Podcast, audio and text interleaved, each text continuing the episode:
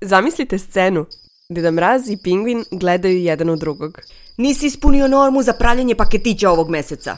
A ti si mator! Ovo sa slikom u videu koji smo napravili kao najavu ove epizode mnogo bolje zvuči i izgleda. Posle te mini scene kratko vam objašnjavam da je u pitanju napad na karakter, što je zapravo retorička strategija. Inače, retoričke strategije svakodnevno koristimo u komunikaciji, a pogotovo kada debatujemo, diskutujemo sa drugima ili ti e, se svađamo. A u ovoj epizodi ćemo malo detaljnije o svemu ovome, o odbrambenim mehanizmima i načinu na koji su oni povezani sa komunikacijom. Slušate Umologiju, podcast u kom želimo da napravimo nove drajvere, putanje shvatanja i razmišljanja, poimanja sebe, svojih misli i emocija, ali i osoba i sveta oko nas da preispitujemo kako naša svakodnevnica udiče na dobrobit pojedinca. Da budemo dobro. Ja sam Aleksandra Bučko, a sa mnom u ovoj epizodi slušate i novinarku Sanju Đorđević. Mehanizmi odbrane su načini, odnosno psihološko sredstvo sa kojima se automatski štitimo od neprijatnih osjećanja. Bitno je znati da ovi mehanizmi rade sami od sebe i mi često nismo svesni kako reagujemo na stvari ili situacije oko nas. Glavna stvar koja pokreće ove mehanizme je ego, odnosno deo ličnosti koji pomaže da se usklade naši unutrašnji osjećaji sa zahtevima spoljnog sveta.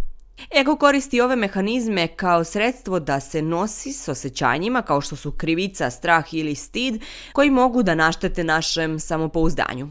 Da bismo izbegli osjećanja koja nisu prijatna, ego pokušava da na neki način reši ili skloni ta osjećanja, često ih prikazujući na drugačiji način.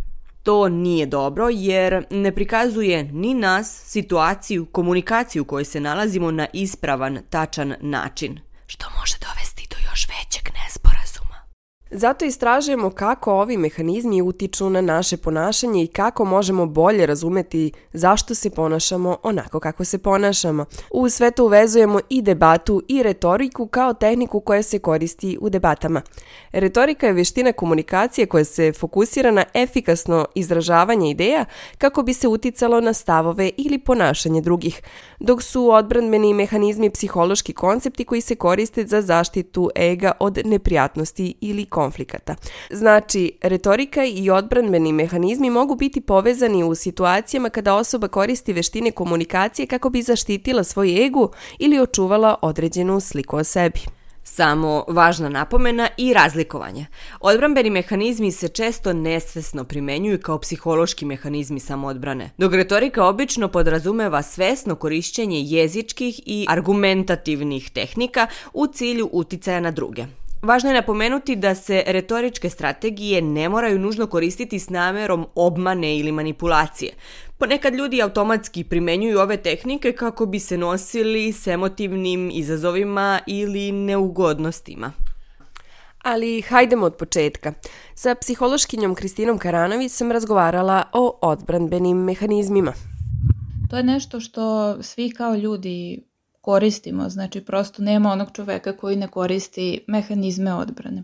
Oni su nam dati i razvijeli smo ih zapravo sa razlogom. E, znači to su unutrašnji psihološki procesi i strategije koje kao ljudi koristimo nesvesno kako bismo se zaštitili zapravo od stresa, od nekih konflikata, od anksioznosti, i tome slično. Znači bilo šta onako što je nepoželjno kada koristimo mehanizme odbrane, da kažem, bude nam lakše kad razmišljamo na taj način. U suštini, mehanizmi odbrane pomažu pojedincima da se nose sa neprijatnim situacijama. Međutim, koliko god da u nekim situacijama naravno da je i normalno i dobro da koristimo mehanizme odbrane, ali ponekad neki mehanizmi odbrane i nisu baš uh, najkorisniji zapravo za nas i samim tim mogu da ometaju i emocionalni razvoj, ali i da otežavaju rešavanje problema. E sada, kada pričamo o mehanizmima odbrane, možemo da ih podelimo u tri grupe. Mogu biti nezreli, nešto zreli i zreli mehanizmi odbrane. Imate i grafiku o ovome u tekstu koji prati ovu epizodu na našem sajtu, kao i na mrežama Fabrike podcasta, ali evo ih ovde.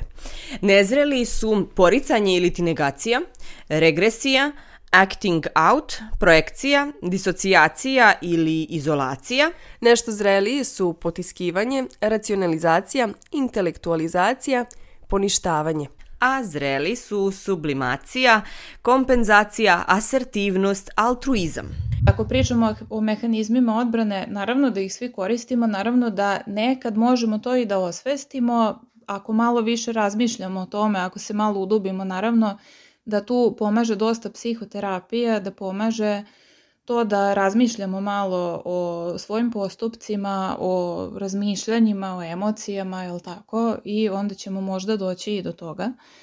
E, evo, na primjer, kada je bilo ono da se desilo u Ribnikaru, moja prva reakcija je bila da to nije istina. Znači, ja prvo kada sam to čula, ono što je onako, jel, rekli bismo, to je mehanizam odbrane negacije. Znači, ono što je bila moja prva reakcija, to ne može biti tačno. Mediji nas lažu. Zašto kao čoveku? Naravno da nešto što nam je neprihvatljivo, nešto što nam je teško, da ćemo to odbiti da poverujemo u to.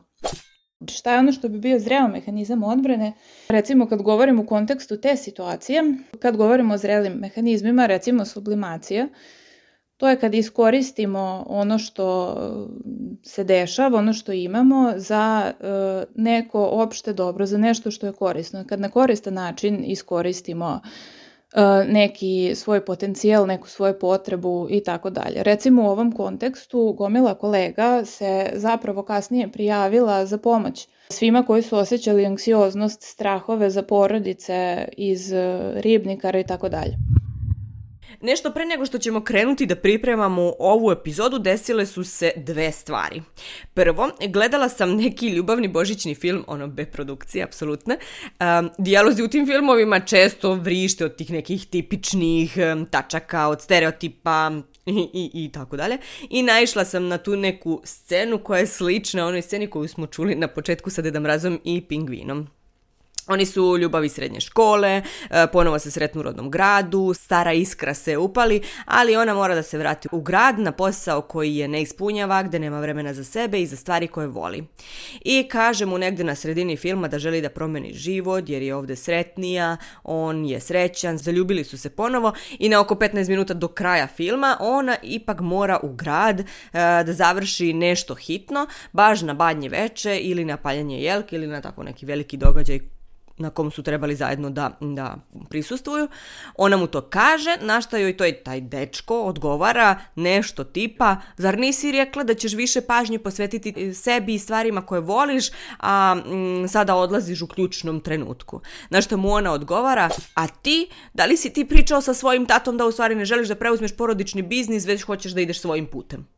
I kao tu oni besno, besno odjure i do kraja se sve sredi i oni su srećni, ali tu um, se u stvari upalila ta lampica preslikavanja ono nekog problema i tako nešto. A druga stvar koju sam spomenula da se desila jeste da sam sa suprugom nešto bila pričala video koji sam podelila sa njim, u pitanju neki američki psihoterapeut uh, i, i, i u stvari u tim videima svojim na Instagramu trenira ljude za asertivnu, u, u asertivnoj komunikaciji i kaže kada sledeći put neko od vaših kolega, šefova, nadređenih, bilo ko, u stvari krene onako da vas gazi, da nešto agresivnije priča sa vama, da um, onako podmuklu ne, ne, neke stvari, ono prosto da bude neprijatna situacija, kao nemojte krenuti da se branite šta ja ili to nije tačno ili tako nešto, nego ga samo pitajte kao, jesi okej? Okay?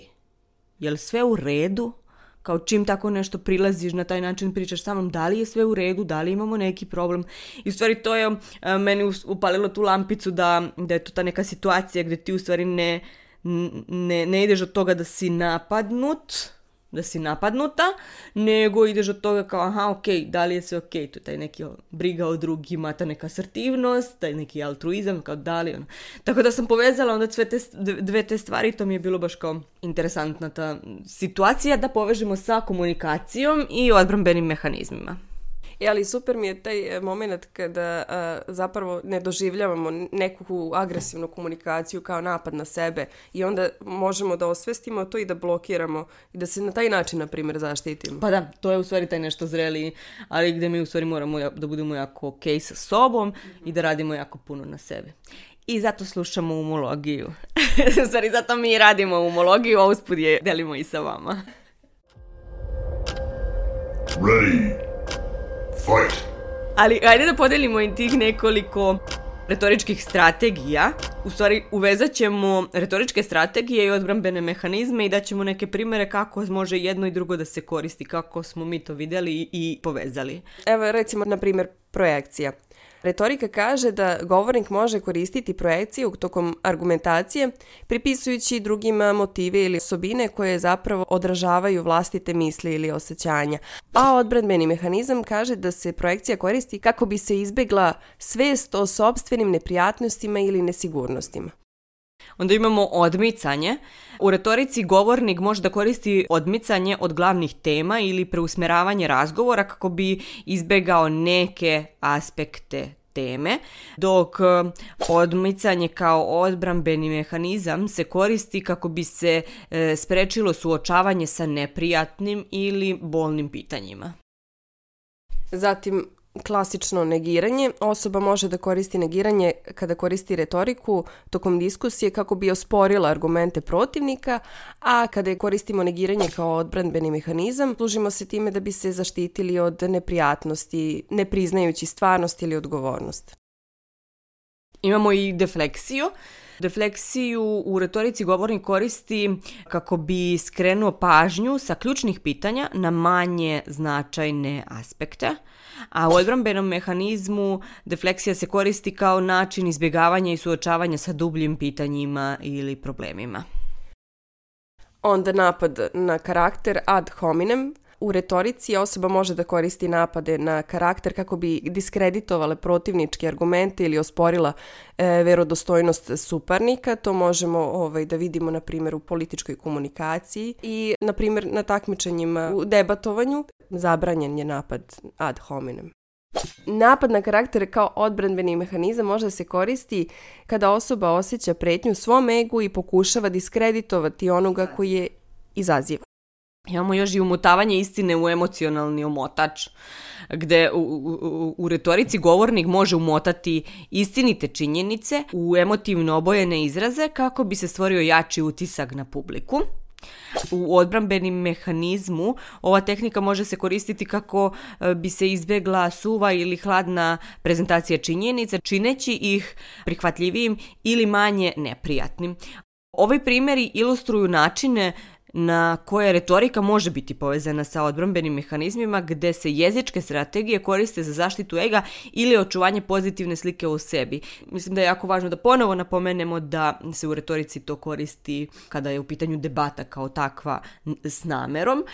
kada mi u komunikaciji koristimo, verovatno je onda u svrsi odbrambenog mehanizma, a u stvari odbrambeni mehanizmi dolaze nesvesno kod nas. I baš zato je naš kolega Nemanja Stevanović razgovarao sa trenericom debate Teodorom Rešetar.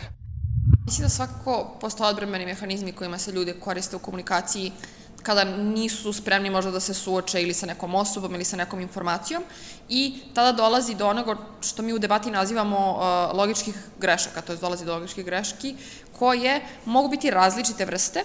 Ako neko ne želi da se suči sa vašim argumentom, on može da napravi stromena ili takozvanog slamenog čoveka od toga, da izvuče, ovaj, nekako hiperboliše vašu pojentu koju ste pravili. Može da se koristi ad hominemom, to je da napada ličnost uh, koja nešto izgovara, a ne sam argument. Naprimer, ako vama osoba koja puši cigarete kaže cigarete su štetne po zdravlje i mogu da izazovu rak, a vi kažete pa ti pušiš cigarete i nije ti ništa, ovaj, znači da se koristite nečime što je ta ličnost, a ne gledate taj argument nezavisno od toga. Ili neko je možda krao u prošlosti, pa će sada kaže, ne znam, krađa je loša. Ovaj, vi možete da ga napadnete na nivou njegove ličnosti i šta je radio u prošlosti, a da ne gledate u taj argument nezavisno. Još neke stvari uh, koje ljudi često koriste u svakodnevnoj komunikaciji koje su logičke greške, jeste to da se pozivaju na tradiciju, uh, pozivaju se na autoritet ili na to šta neki stručnjaci misle i to je isto problematično zato što i u tom smislu, iako naravno da ako se govori o nekoj temi, ako osoba koja je stručna za tu temu priča o njoj, verovatno treba više da je verujemo nego nekom lajku ili nekome ko nije uopšte u to upućen, da treba da zadržimo to kritičko razmišljanje ovaj, kada se suočavamo sa tim informacijama. Debata vs. stvarni život. U debati postoje jako stroga pravila i sudije su upoznate sa njima. Vi možete da probate da se koristite logičkim greškama, da izvrćete argumente vašeg protivnika, sudija će uglavnom to primetiti A, tako da to tu jako redko prolazi i postoje čak i pravila u smislu recimo sumirajući govornik, on ne sme da unosi nove argumente. Ljudi će pokušati da upakuju neki novi argument kao da je samo pobijanje ili analiza, sudija koji je dobar će da to primeti pa će vidjeti da li sme ili ne sme da uzme u toj debati taj argument u obzir u procenjivanju toga ko je pobedio, ko je prvo, drugo, treće ili četvrto mesto. Što se tiče u svakodnevnom životu, ja lično mislim da to nije fair, a, ali mogu da razumem da postoje neke situacije gde možda nejednak odnos moći a, između ljudi koje su u nekakvom odnosu i da onda vi možda ćete morati, ako ste primorani da imate komunikaciju sa nekim, da biste recimo preživeli ako ste na poslu, ovaj, nećete uvek reći sve što mislite, pa ćete možda sakriti neke stvari, pa ćete neke stvari preuveličati ili ćete uh, izostaviti neke informacije. Mislim da to, osim ako nije, ne znam nija kako štetno po neke ljude, nego je više u tome da vi sačuvate sebe, mislim da je to u redu. Već smo vam rekli da se odbranbeni mehanizmi javljaju kada želimo da se zaštitimo od mahom neprijatnih osjećanja. Teodora priča i o emocijama. Mislim da u debati jako često govornici koji se koriste osjećanjima i ciljaju na tuđe osjećanja će zvučati ubedljivije. To je prosto zato što su sudije isto sami ljudi i podložni smo tome. A, mislim da nije u redu koristiti se emotivnom manipulacijom, ali mislim da sve odluke koje mi donosimo, svaka vrsta komunikacije je nužno emotivna. Mislim da je ta dihotomija između racionalnog i emotivnog lažna i mislim da kada gledamo na to na koji način se mozak ljudski razvija, gde mi imamo, znači prvo ovaj kao reptilski deo mozga koji procesuira osjećanja, a tek, znači, tek posle 27. ovaj prefrontalni korteks koji je zadužen za logičko mišljenje i za planiranje biva u potpunosti razvijen, uvek će prvo biti osjećanje. Znači, čak i ako neko govori smirenim tonom, ne znači da je to što govori da je tačno, da je racionalno, da je u pravu. Ako je neko besan da govori, ne znači da nije u pravu. A, mislim da treba svi da znamo radi sebe samih da regulišemo svoje osjećanja, da ne bi drugi ljudi upravljali nama, ovaj, ili druge situacije, da bismo mogli da donosimo najbolje odluke za sebe i za svoju okolinu. A, ali mislim da je skroz razumljivo i ono što je mene recimo nerviralo je, ako sam ja recimo deo neke grupe o kojoj se vodi debata i o tome da se govori da li je moj život jednak E, nečijem tuđem životu, da li je jednako vredan, da li ja zaslužujem jednaka prava i da se od mene očekuje da ostanem jednako mirna kao osoba koja govori o tome, a uopšte je to nikako ne dotiče na ličnom nivou, mislim da je to jedan veoma nefer standard. I da to što se ja možda iznerviram kad meni neko govori, recimo kako, ne znam, feminizam nepotreban u 21. veku, ako se ja iznerviram u tome, ne znači da ja nisam u pravu. Ovaj, a što je nešto što ja mislim ljudi često koriste da diskredituju stranu koja doživljava neku nepravdu. Ako vi doživljavate nepravdu, jako je prirodno da osjećate bes.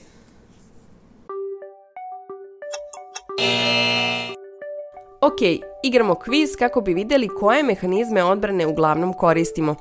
Bilo bi dobro da pored sebe imate olovku i papir.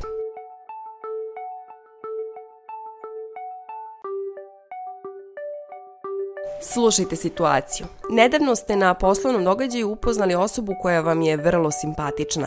Ne možete da je izbacite. Iz glave stalno mislite na nju.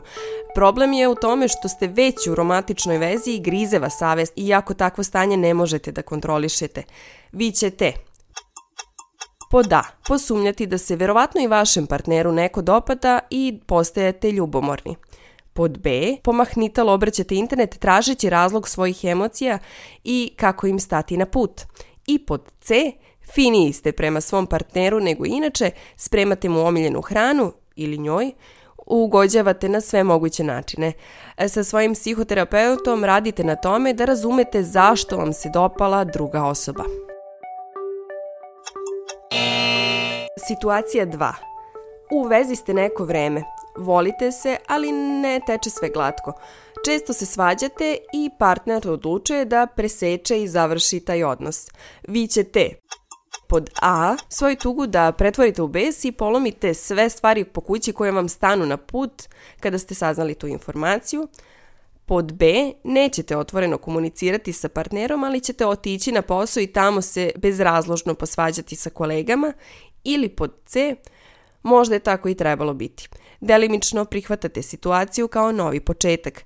Krećete da se bavite nekim sportom ili hobijem kako bi kanalisali svoju energiju. Treća situacija. Tražite novi posao. Šaljete svoju biografiju na hiljadu adresa i pozvani ste na razgovor za posao u jednoj firmi. Nakon razgovora koji vam je delovao kao da je prošao uspešno, dobijete odgovor da niste prošli dalje. Vi ćete pod A u komunikaciji sa kadrovskom službom dodati nove reči u leksikon s obscenih reči srpskog jezika, pod B i onako znate da se u toj firmi zapošljavaju samo ljudi preko veze i pod C prepričavati prijateljima svoje iskustvo i smišljati sjajne fore, ne gubite nadu i nastavljate sa slanjem biografija. I imamo četvrtu i poslednju situaciju. U poslednje vreme ste nešto opušteniji sa alkoholom, ne čekate vikend da okusete svoje omiljeno piće, neretko vam se dešava da popijete po koju sami sa sobom. Ipak prolazite kroz stresan period i verujete da ste zaslužili. Prijatelji i porodica vam skreću pažnju da malo opustite gas. Vi ćete pod A. Nećete ništa uraditi jer nemate problem. Svi su se zapravo urotili protiv vas i žele vam zlo. Pod B. Verujete da standardi koji označavaju alkoholizam da su previše strogi. Ok je gucnuti koju tu i tamo skroz, na, skroz je na mestu. Ili pod C. Prihvatiti da su prijatelji porodica možda u pravu, spuštate nogu s gasa, i nastojite da pomognete drugim ljudima koji imaju sličan problem kao vi. Ukoliko ste imali više odgovora pod A na neprijatne situacije, reagujete na vrlo nezreo način. Ukoliko su vam dominantni odgovori pod B, od neprijatnosti se branite na nešto zreliji način. Ako ste najviše puta odgovorili pod C, čestitamo, radili ste na sebi i na neprijatnosti reagujete zrelo. Mislim da se to dešava prirodno uglavnom. Da ljudi posežu za tim stvarima nesvesno i da verovatno dobar deo tog komunikacijskog stila zapravo naučimo iz svoje porodice.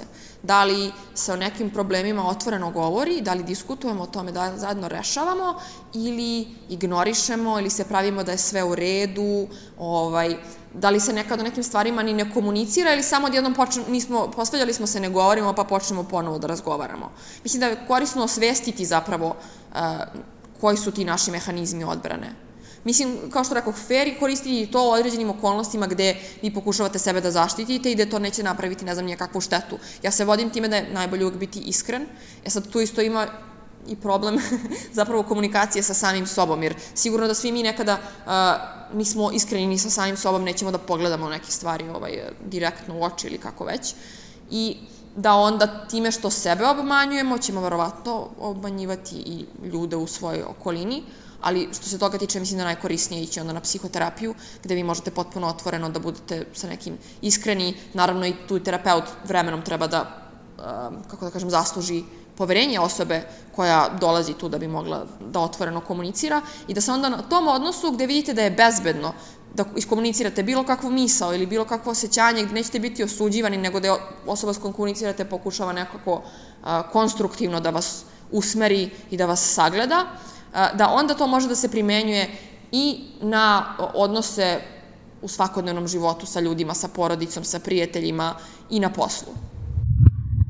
Ono što bi bilo dobro i recimo čime se ja bavim, pošto se inače bavim REBT psihoterapijom, to je racionalno-emotivni kognitivno-behavioralna terapija. Znači u suštini tu polazimo e, i realnost je jako važna, znači i učimo klijente da budu hrabri. Koliko god naravno da kao ljudi prolazimo svi kroz različite situacije u životu i da su nam neke stvari i teške, neke stvari su izazovne, mislim nije nam lako u životu, može svašta da se desi nepredvidivo, jel? Ono što učimo klijente jeste da kao pandan strahu, jer mnogi ovi mehanizmi odbrane se koriste, ali tako, zbog straha, zbog anksioznosti, zbog toga što čovek ne želi da oseti tako neke emocije. Kao pandan strahu učimo klijente da postanu hrabri pojedinci. Pričali smo o komunikaciji, o odbranbenim mehanizmima kojima se koristimo da bi odbranili sebe od neprijatnih osjećanja. Igrali smo kviz, a kada sumiramo to, to zvuči ovako u rečima psihološkinje Kristine Karanović. Vezano za mehanizme odbrane, kao što smo rekli, da ih svi koristimo u suštini podsvesno, tako da niko to ne radi namerno, jel? I kad nešto negira ili kad bilo šta od ovoga svega, niko to ne radi iz zle namere, nego prosto To nam je u podsvesti i to tako funkcioniše. Šta je ono što možemo da uradimo? Možemo da radimo na razvijanju emocionalne inteligencije, na samosvesti, možemo da radimo na veštini rešavanja problema, recimo takođe psihoterapija može biti od velike koristi e, za dublje razumevanje sebe uopšte i za promenu mehanizama odbrane i za jedno zrelije reagovanje. Važno je razumeti da nema zle namere kada se koriste ovi mehanizmi. Oni su proizvod naše podsvesti i način na koji se nosimo sa stvarima oko nas. Radom na sebi, svojim emocijama pa i komunikaciji sazrevamo, iako ništa, osvestimo te odbrbene mehanizme, što nam može pomoći i u razumevanju sebe i u komunikaciji sa drugima a nadamo se da vam je sve ovo bilo korisno i za jedno i za drugo. Zato smo i istražili ovu temu. I zato vas pozivamo da je podelite sa drugima kako bi možda neke od tih stvari prepoznali u komunikaciji sa porodicom, kolegama, šefovima.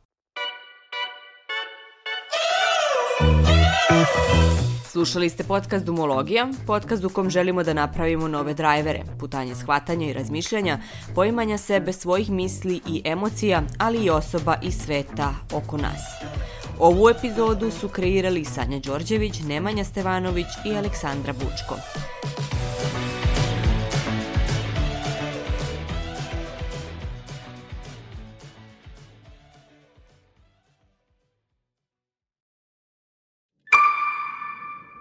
Produkcija Fabrika kreativnosti.